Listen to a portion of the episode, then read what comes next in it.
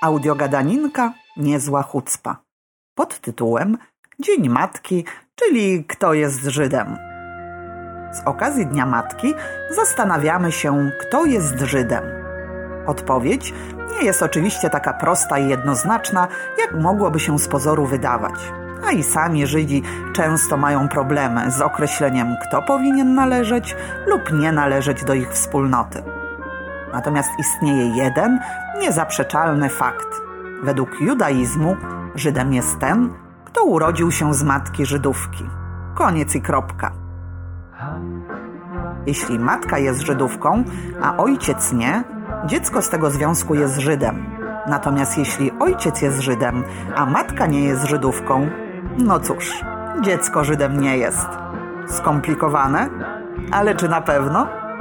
Religia żydowska na pierwszy rzut oka wydaje być się systemem z gruntu patriarchalnym. Dlaczego więc w tak zasadniczej sprawie, w odróżnieniu od wielu innych kultur, gdzie te kwestie są zazwyczaj regulowane po ojcu, w judaizmie ta odpowiedzialność spoczywa na matce? Ano, sprawa jest prosta. Kto może mieć stuprocentową pewność, że dziecko jest na pewno jego? Tylko i wyłącznie matka. No wiecie, z ojcem różnie może być. Pamiętajmy, że niezawodne ustalenie ojcostwa to w sumie bardzo nowoczesny wynalazek, a historia narodu żydowskiego liczy już sobie ponad 3000 lat. Jeszcze nie tak dawno mężczyźni nie mogli mieć pewności, czy potomek tak naprawdę jest na 100% ich. Dawniej można było wiedzieć na pewno tylko to, kto jest matką.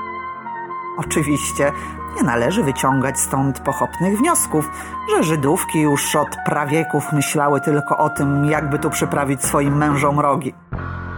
Jak to u Żydów bywa, ma to też swoje uzasadnienie bardziej praktyczne, wywodzące się jeszcze ze starożytności czy czasów biblijnych. Nieco brutalne niestety, ale pamiętajmy, że w zamierzchłych czasach było regułą na wojnie, że zwycięzcy gwałcili kobiety wroga. Ileż kobiet musiało potem wydać na świat dzieci z takiego naprawdę niepożądanego związku. A ile kobiet musiało potem cierpieć z powodu prześladowań z tytułu posiadania nieślubnego potomstwa. Ile z nich zostało wykluczonych ze swojej społeczności?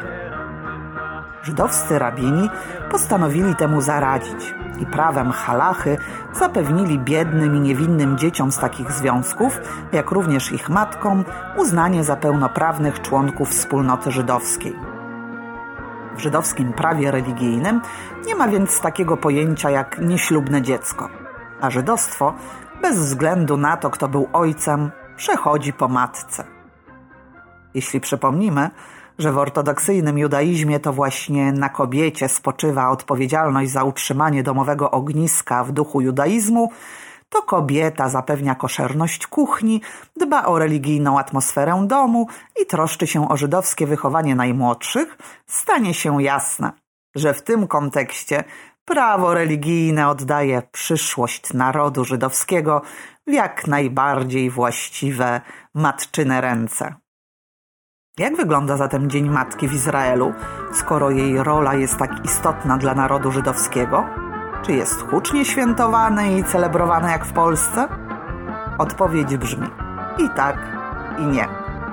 Historia Dnia Matki we współczesnym Izraelu sięga roku 1951, kiedy to pewna 11-letnia dziewczynka, pochodząca co ciekawe z Polski, Nehama Frankel, napisała do izraelskiej gazety List – którym sugerowała, że w Izraelu, podobnie jak w kraju nad Wisłą, warto byłoby wprowadzić Dzień Matki.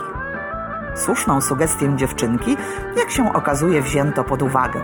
Wprowadzono zatem oficjalny Dzień Matki do kalendarza, co prawda nie w maju jak u nas, a 30 dnia miesiąca Szwat według kalendarza żydowskiego, który to miesiąc wypada u nas mniej więcej w lutym-marcu ale już 30 lat później, w latach 80., pod wpływem protestów środowisk feministycznych, przeciwnych postrzeganiu roli kobiety jedynie przez pryzmat macierzyństwa, święto to zastąpiono innym, a mianowicie Dniem Rodziny, czyli Jom Mishpacha.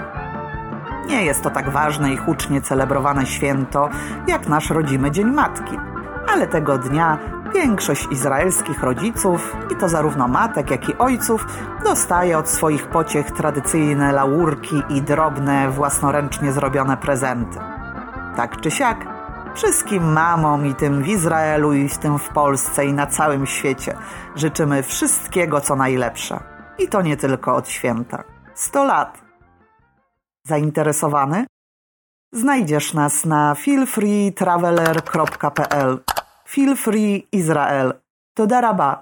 Słuchaj nas na YouTube, Spotify, Google Podcast i Apple Podcast. Shalom.